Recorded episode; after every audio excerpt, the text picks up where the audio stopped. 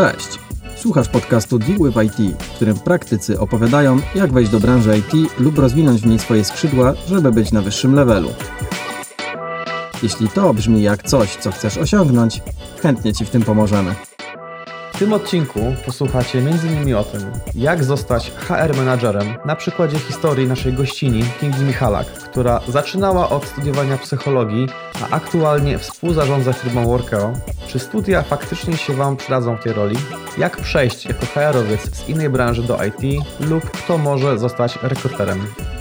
Zapraszamy.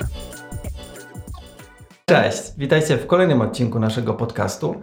Dziś będziemy rozmawiali o ścieżce HR Managera, a moim gościem jest Kinga Michalak. Cześć Kinga. Cześć Mateusz.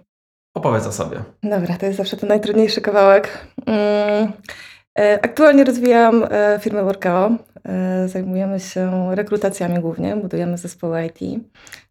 W Workeo d- tak naprawdę jesteśmy wyspecjalizowani od samego początku w rekrutacjach programistycznych, głównie deweloperów, deweloperów wszelkiej maści. Dodatkowo tworzymy narzędzia automatyzujące e, proces rekrutacji i świadczymy usługi szeroko rozumianego HR-u, HR-u. Tak powinno być poprawnie. Spolszczamy zazwyczaj.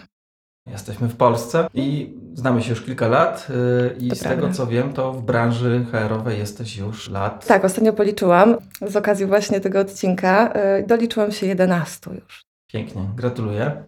No to tak, y, ja znam trochę Twoją historię, ale Mhm. nasi słuchacze jeszcze nie. Jak wiesz, nasz podcast jest skierowany do osób, które chcą się przebranżowić i wejść do tej Mhm. branży. No i do poprzednich i następnych odcinków zapraszamy specjalistów z konkretnych branż, w tym jesteś Ty Mhm. i zawsze pytamy, mm, jaka jest Twoja historia, tak żeby zainspirować, bo zazwyczaj te ścieżki y, dojścia do, do y, branży IT okazują się dosyć niestandardowe nie Mhm. są takie oczywiste. I zdaje się, że Twoja też jest taka. Tu chyba bym się nie zgodziła. Ja akurat swoją ścieżkę widzę trochę bardziej sztampowo. Znam sporo osób, które faktycznie gdzieś tam podobne kroki stawiały. Aczkolwiek zgadzam się na pewno z tym, że no wszystko zależy i tych dróg jest e, szalenie wiele. Z mojej perspektywy mm, wydawało mi się, że nie jest to standardowa ścieżka, ale twierdzisz, że jest, okej. W takim Mhm. razie jak ona była? Jak to się zaczęło? Okej. No ja skończyłam psychologię z specjalizacją e, psychologia pracy i organizacji, że tak dość e, klasycznie. E, No i zdecydowanie poszłam w tą psychologię biznesu. Tam też e, zainspirowałam się bardzo mocno analizą transakcyjną, z której później przez wiele lat jeszcze korzystałam i w zarządzaniu, i, e, i w szkoleniach dla pracowników, i w kontekście jakby motywacji, usprawniania komunikacji. Już podczas studiów zaczęłam stawiać swoje pierwsze kroki w sprzedaży tak naprawdę. Pierwsza i druga moja praca była związana bardzo mocno ze sprzedażą. Pierwsza poważna była w agencji interaktywnej, gdzie też miałam okazję gdzieś tam może nie tyle pracować stricte w marketingu, ale przyglądać się, jak wyglądają właśnie kampanie marketingowe. I dopiero potem, tak naprawdę, po, po kilku latach gdzieś tam takiego doświadczenia e, czysto sprzedażowego, zaczęłam e, pracę w swojej pierwszej agencji. W agencji robiłam bardzo różne rekrutacje. Tam wpadało chyba nam totalnie wszystko. I z właśnie i z marketingu, i rekrutacji sprzedażowej, z zakresu finansów, ale też takie klasyczne call center, które pod kątem rekrutacji jest szalenie wymagające. To było moje takie pierwsze, pierwsze doświadczenie rekrutacyjne. I już wtedy czułam, że E, że tak, że to, jest, e, że to jest ten kierunek, który będzie mi towarzyszył przez najbliższe lata. Nie sądziłam, że aż tak długo, co prawda. E, Tutaj sama siebie zaskoczyłam. Następnie faktycznie jeszcze w tej samej, e, tej samej firmie mm, awansowałam i, i rozwijałam cały zespół rekrutacyjny. Później zostałam po raz pierwszy w swoim życiu i ostatni zheadhuntowana i zaczęłam takie trudniejsze rekrutacje. Zatrudniałam się w e, takiej całkiem dużej korporacji. Niestety okazało się, że jednak ten styl korporacyjny jest, e, no, mówiąc delikatnie, nie odnajduje się, Mhm. powiedzmy. Mm, Zdecydowanie już teraz wiem, że jednak zdecydowanie bliższe są mi organizacje takie małe, średnie, gdzie, mm, gdzie mogę jakby uczestniczyć w tym całym procesie rozwoju i to jest coś, co mnie najbardziej kręci. Niemniej jednak korporacja faktycznie nauczyła mnie bardzo wysokich standardów e, pracy. I za to jestem, i za to jestem bardzo wdzięczna. Nie wytrzymałam tam, co prawda, e, super długo. Jak tylko nauczyłam się tego, co mogłam, e, to postanowiłam założyć swoją firmę. I faktycznie to było dość, e, mm, dość, dość szybka decyzja. Jak założyłam swoją firmę, to już wszystko się później bardzo, bardzo szybko toczyło. A założyłaś firmę czym się zajmującą? Mhm. Rekrutacjami. Okay, tak, zostałaś. Dokładnie, tak, rekrutacjami. Co prawda jeszcze przez, e, o tym zapomniałam wspomnieć, a to jest w sumie, jeśli chodzi o, o HR, bardzo e, też ważny element. Dość szybko też zaczęłam się zajmować szkoleniami. E, aczkolwiek szkolenia zawsze robiłam trochę tak freelancersko na, mhm. na zlecenie. Zawsze trochę po godzinach albo brałam urlopy, żeby e, gdzieś tam organizować i prowadzić takie wyjazdowe szkolenia. Też z bardzo szeroko rozumianych mm, kompetencji miękkich, czyli zarządzania, asertywność, obsługa klienta, ale też właśnie sprzedaż, w której miałam całkiem sporo doświadczenia. Tak, także te, e, te szkolenia.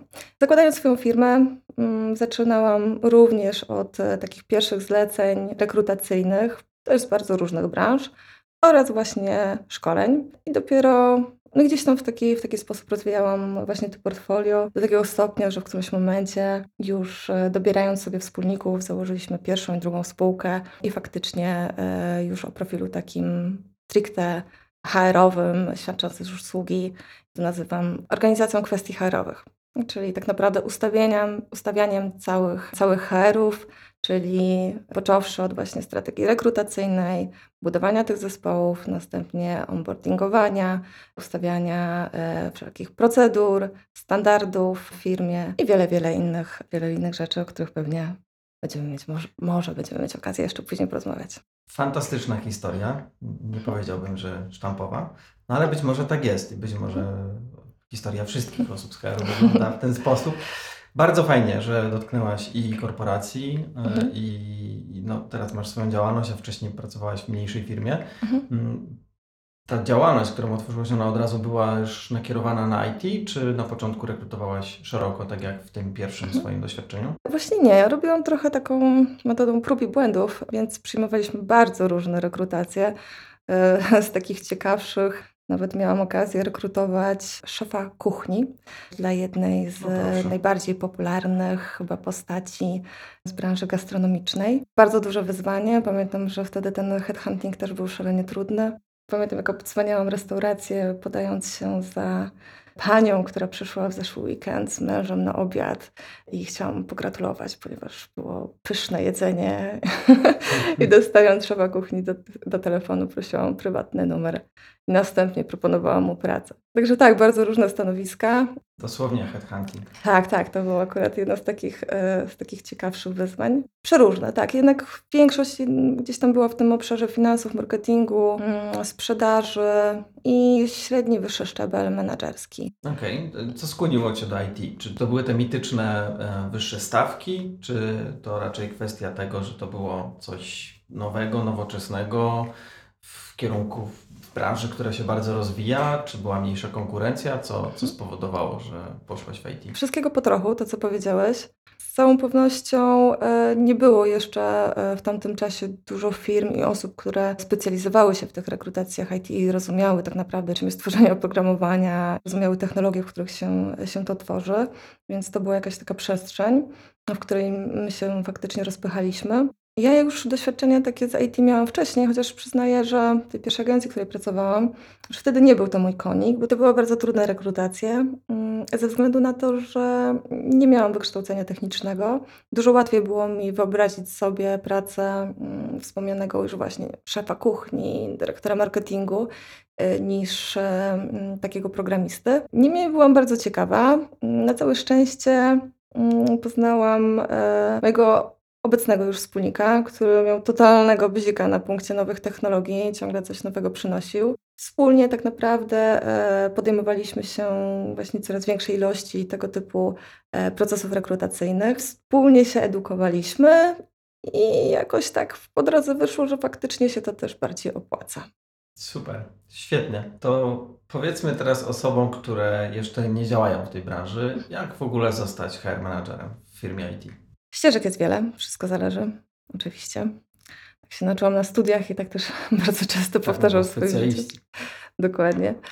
Może zacznę faktycznie od samej edukacji, chociaż przyznaję, że e, ja jestem raczej zwolennikiem kompetencji I uważam, że no, w dzisiejszych czasach dostęp do wiedzy jest tak duży, że w większości jesteśmy w stanie sami nabyć e, tą wiedzę. Akurat stanowisko HR managera też nie jest takim stanowiskiem licencjonowanym, powiedziałabym, więc, e, więc jest, jest taka przestrzeń na to. Niemniej jednak e, większość osób, które faktycznie podejmuje się tej roli, są to osoby, które kończą psychologię albo zarządzanie. Jest też sporo osób, które mm, kończą socjologię generalnie kierunki humanistyczne, chociaż znam też bardzo, e, może nie bardzo wielu, ale e, kilku dobrych HR managerów, też rekruterów, którzy kończyli studia takie stricte techniczne, Polibudę czy Uniwersytet Ekonomiczny. Myślę sobie, że nawet trochę brakuje tego typu e, tak sprofilowanych HR managerów na, na rynku. Co jeszcze? Na pewno można zrobić sobie podyplomówkę, czyli zarządzanie zasobami ludzkimi. Myślę, że jest wiele,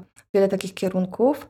Mm, no i oczywiście, i oczywiście MBA, jeśli ktoś chciałby tak dość wysoko się wspiąć i spróbować też swoich sił właśnie w tych środowiskach korporacyjnych, to zdecydowanie e, też warto. Czy studia są potrzebne, żeby zostać HR managerem? Bo z tego, co mhm. mówisz, wywnioskowałem, że niekoniecznie. No właśnie niekoniecznie. Na pewno wiele sposobów, żeby tą wiedzę nabyć. No i doświadczenie. Doświadczenie jest absolutnie niezbędne. Chociaż nie, chciałabym odradzać, bo to nie jest tak, że odradzam komukolwiek jakby edukację. Każda edukacja, każde, każde studia, każdy podyplom dyplomówka jest, jest fajna, jest ważna i, i na pewno warto zbudowywać w ten sposób wiedzę. No z całą pewnością jest to jakaś taka motywacja do tego, żeby nabywać tą wiedzę w sposób taki systematyczny. Ale jeśli ktoś by mnie pytał, czy, czy jest w stanie, czy może zostać HR managerem e, bez, bez studiów i bez edukacji, powiedziałabym mu zdecydowanie tak. I ja sama też przyznaję, że rekrutując e, wielu HR managerów czy rekruterów, nie sprawdzam i nie zwracam uwagi na to, czy ktoś ma studia, czy ich nie ma. Zawsze weryfikowałam kompetencje. Okej, okay. no to jakie kompetencje powinien mieć HR manager? Jakie kompetencje powinien mieć HR manager? Mm, to mamy kilka obszarów tak naprawdę kompetencyjnych. Z jednej strony e, jest to oczywiście zarządzanie, z drugiej strony mamy marketing, który jest też tutaj kluczowy, chociażby employer branding, który teraz bardzo mocno się zwraca uwagę w działach, e, w działach HR. Dalej mamy jeszcze e, sprzedaż. Pewnie niewiele osób jakby zdaje sobie sprawę, że tej sprzedaży w byciu HR menadżerem, czy też właśnie rekruterem w firmie IT jest całkiem sporo. Pozwolę sobie wtrącić, bo mieliśmy mhm. odcinek o sprzedaży, w którym, w którym mówiliśmy, jak wygląda to stanowisko, mhm. a trochę w oderwaniu od e, mhm. samego stanowiska, sensu stricte, to w mojej opinii, mhm. i chyba to, to, to nie będzie jakoś bardzo oderwane od rzeczywistości, mamy dzisiaj takie czasy, w której prawie każdy w każdym miejscu coś sprzedaje. E, siebie, swoje kompetencje, e, to, to co do, dostarcza. Nawet programiści, choć nie są tego świadomi, dzisiaj coraz częściej de facto biorą udział w procesach sprzedażowych. To prawda. Nieświadomie zupełnie. Nawet jak projektują, projektują, prezentują projekty, elementy, to co dowieźli, to de facto jest to jakaś tam forma prezentacji no, półsprzedażowej, więc e,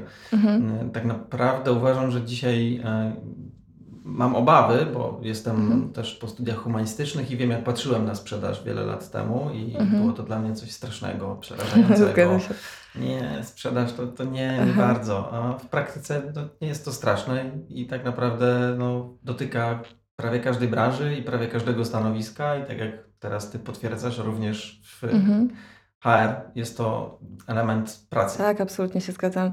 Ja też się śmieję e, z osób, bardzo często jakby spotykam się z, z osobami, które gdzieś tam trafiają do naszej firmy i Mm, próbują się przybranżowić albo szukają jakiejś swojej ścieżki e, kariery. Pytamy ich o ich oczekiwania, jakieś preferencje i e, wszyscy się boją tej sprzedaży i mówią, że nie, nie, ja się nie nadaje, wszystkim się kojarzy to właśnie z jakimś takim wciskaniem, tak mówiąc trywialnie, czegoś. Nie, nie wygląda tak sprzedaż w dzisiejszych czasach i absolutnie się zgadzam z tym, że ta sprzedaż jest e, praktycznie w każdym obszarze. Stąd też warto być świadomym tego, że ona jest, jest ważna i że też potrzebujemy tych kompetencji po prostu. Jakich jeszcze kompetencji mhm.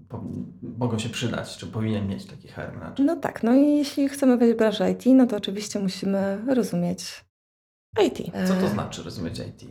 Jak głęboko trzeba wejść? Czy to jest mhm. tak, że no, o studiach kierunkowych w stronę IT nie mówiliśmy? Mhm. Czy to powinny być jakieś kursy, czy wystarczy wiedza i zapoznanie się z tym, co jest dostępne w internecie czy na grupach? Mhm. na przykład facebookowych. Tak, myślę, że znaczy kursów chyba, chociaż na pewno są jakieś kursy, y, typu jak zostać rekruterem w IT, gdzie gdzieś tam jest wykładana jakaś podstawa merytoryczna, aczkolwiek y, no, zdecydowanie można tą, tą wiedzę nabyć e, samodzielnie. No przede wszystkim to trzeba rozumieć, trzeba umieć sobie wyobrazić, jak wygląda proces wytwarzania oprogramowania. Można to zrobić na kilka sposobów, tak? Możemy sobie o tym poczytać, możemy sobie znaleźć jakiś podcast, możemy sobie porozmawiać z jakimś znajomym, który pracuje w firmie, który, który programuje.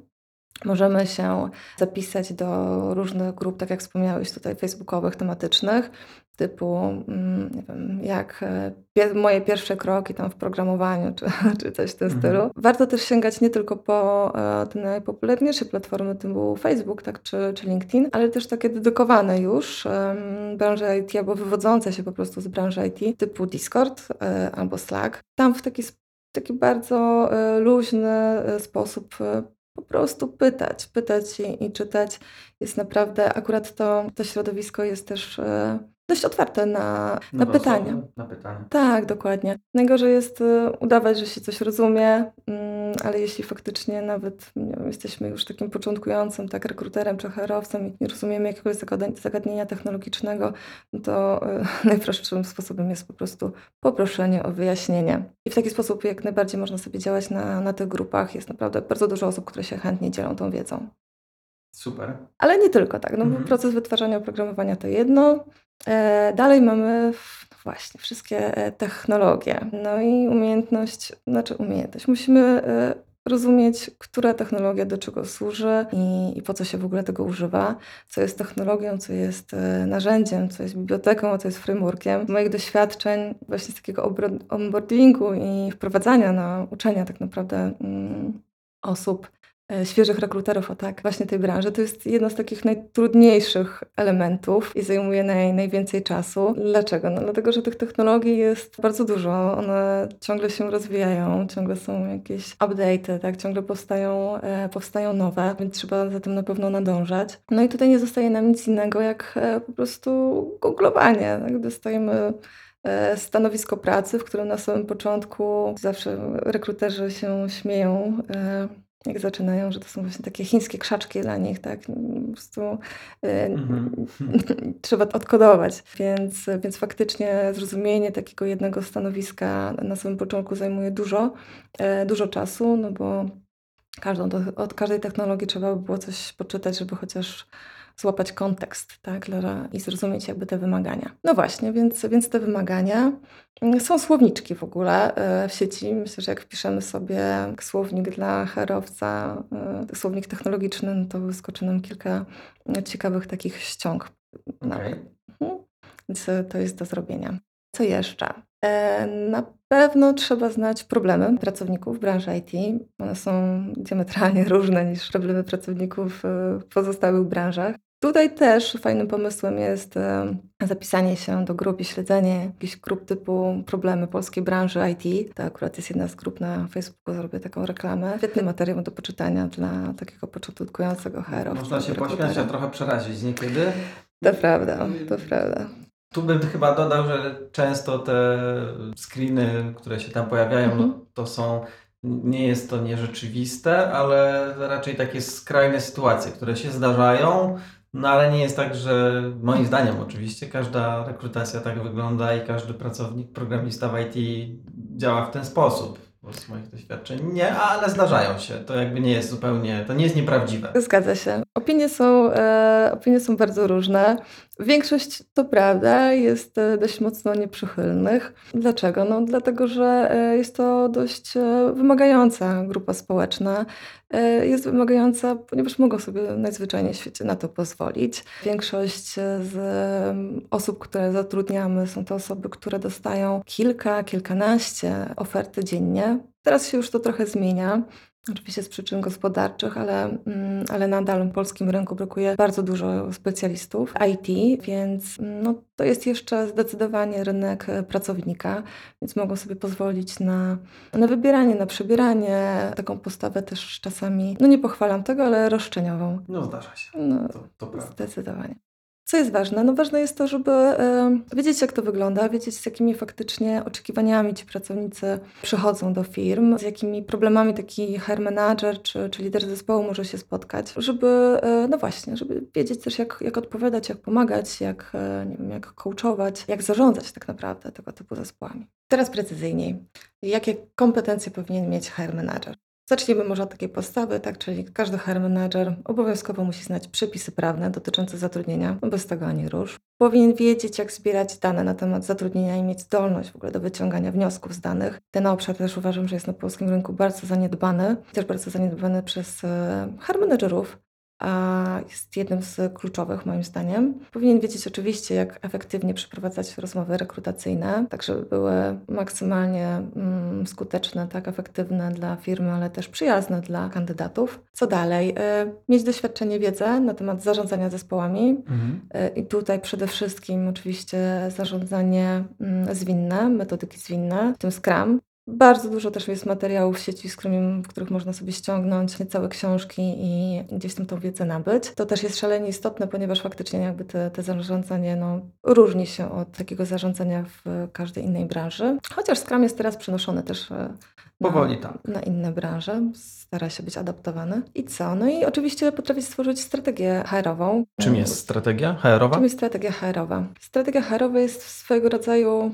takim, teraz przychodzą mi angielskie słowa, elementarzem, o to będzie polskie Mhm. słowo, elementarzem dla firmy, w jaki sposób chcemy zatrudniać, w jaki sposób chcemy komunikować o firmie i wewnątrz, i, i na zewnątrz. Warto dookreślić, jakie, jaką w ogóle mamy kulturę organizacyjną, no bo to będzie też ta podstawa do tego, w jaki sposób chcemy się, e, chcemy o sobie mówić. Następnie i z tego wszystkiego będą wychodziły kolejne, e, kolejne elementy, tak, czyli właśnie procedury, czyli to, jak będą wyglądały karty stanowisk pracy, to czy będziemy, czy dajemy elastyczną, e, możliwość elastycznych e, godzin pracy, czy, czy nie i wiele, wiele innych, innych rzeczy. Czyli trochę, trochę właśnie taki elementarz dla mm, liderów zespołów, dla menadżerów i z tego zazwyczaj wyciąga się też taki kawałek takiego Mhm. elementarza, który w większości firm jest e, onboardingiem, ale nie tylko, jest taką pigułką wiedzy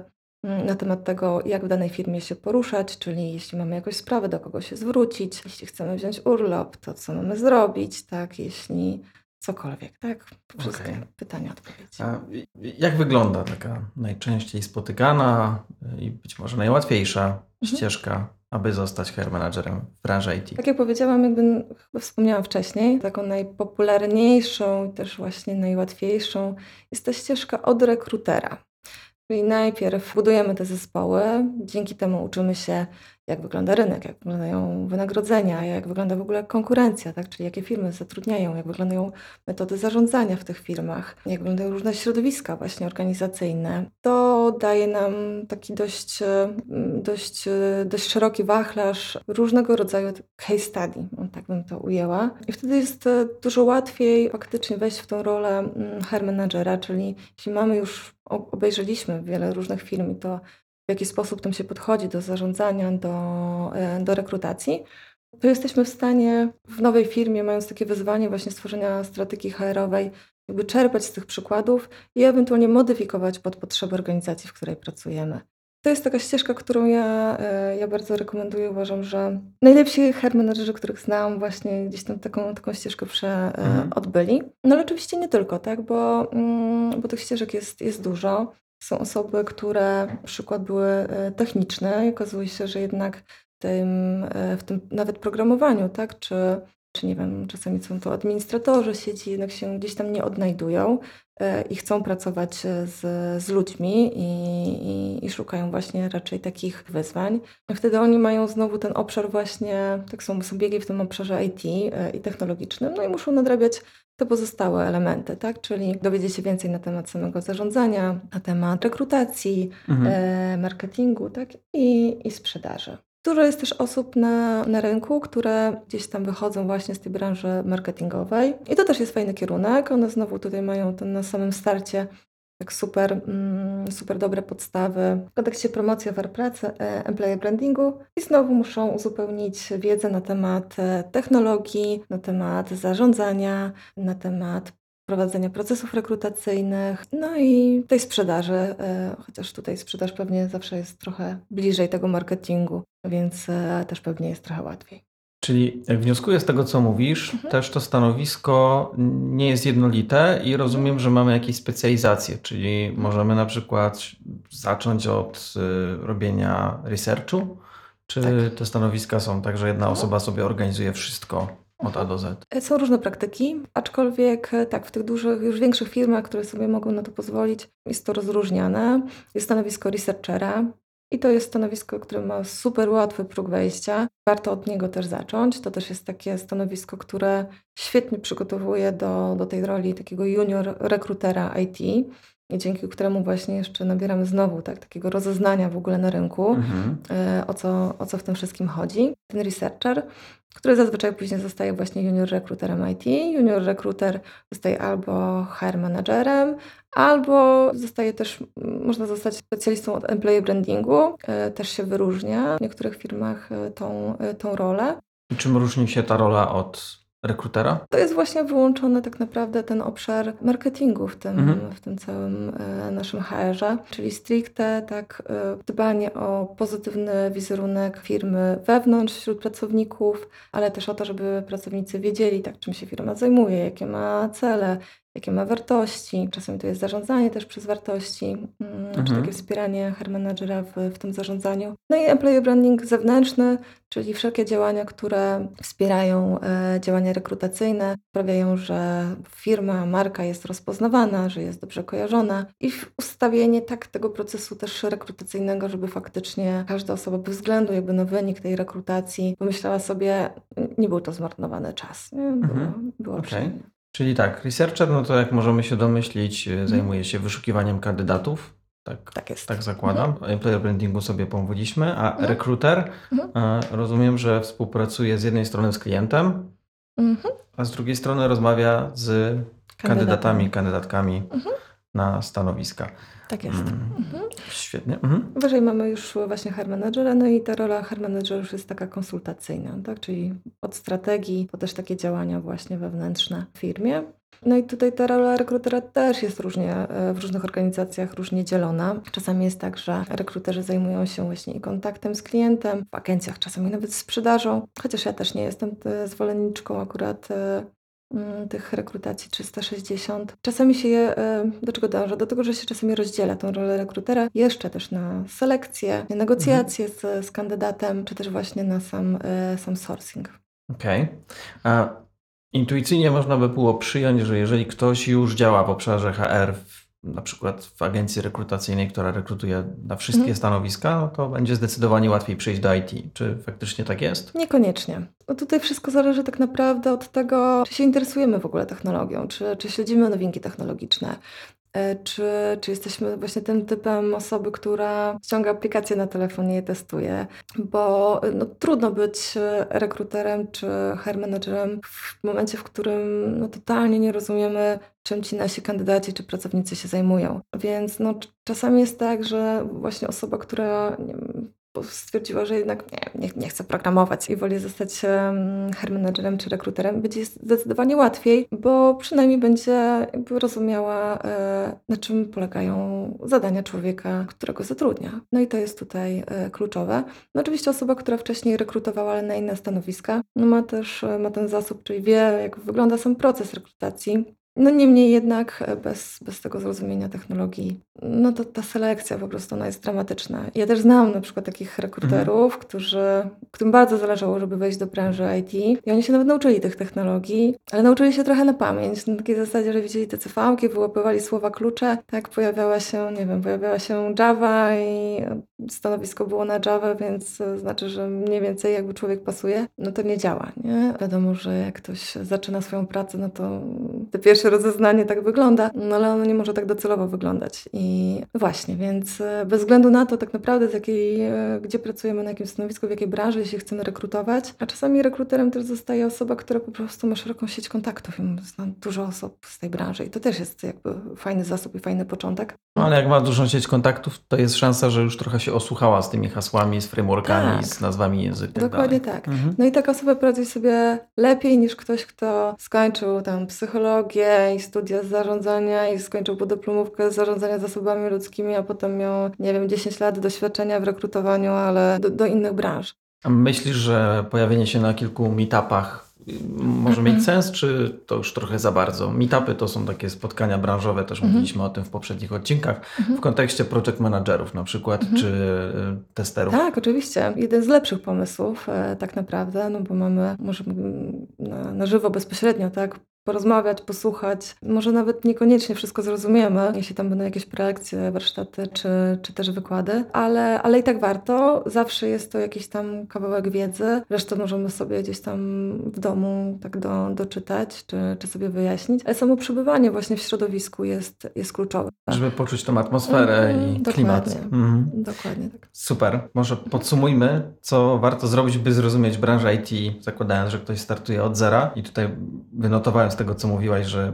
poczytać na temat metodologii Scrum. Mhm. A, za, powiedziałaś y, ogarniać Jira, Mhm. ale tak naprawdę tych y, programów do zarządzania taskami, zadaniami jest zdecydowanie więcej. Też o nich mówiliśmy w innych Oczywiście. odcinkach, w odcinku dla Project Managera, także Mhm. możecie się tam cofnąć. Zasugerowałaś, żeby zapisać się do grupy Problemy Polskiej Branży IT. tak. To takie hardkorowe. Śledzę ją, ona jest hardkorowa, ale no myślę, że, że trzeba zobaczyć też tą, tą, ten wymiar. Tak, to zgadzam się. Oczywiście też zapraszam na naszą grupę. Do niej możecie się zapisać e, wchodząc na naszą stronę Mhm. myślnikwith.it. Podajcie swój adres mailowy i w odpowiedzi dostajecie link do grupy, która jest darmowa.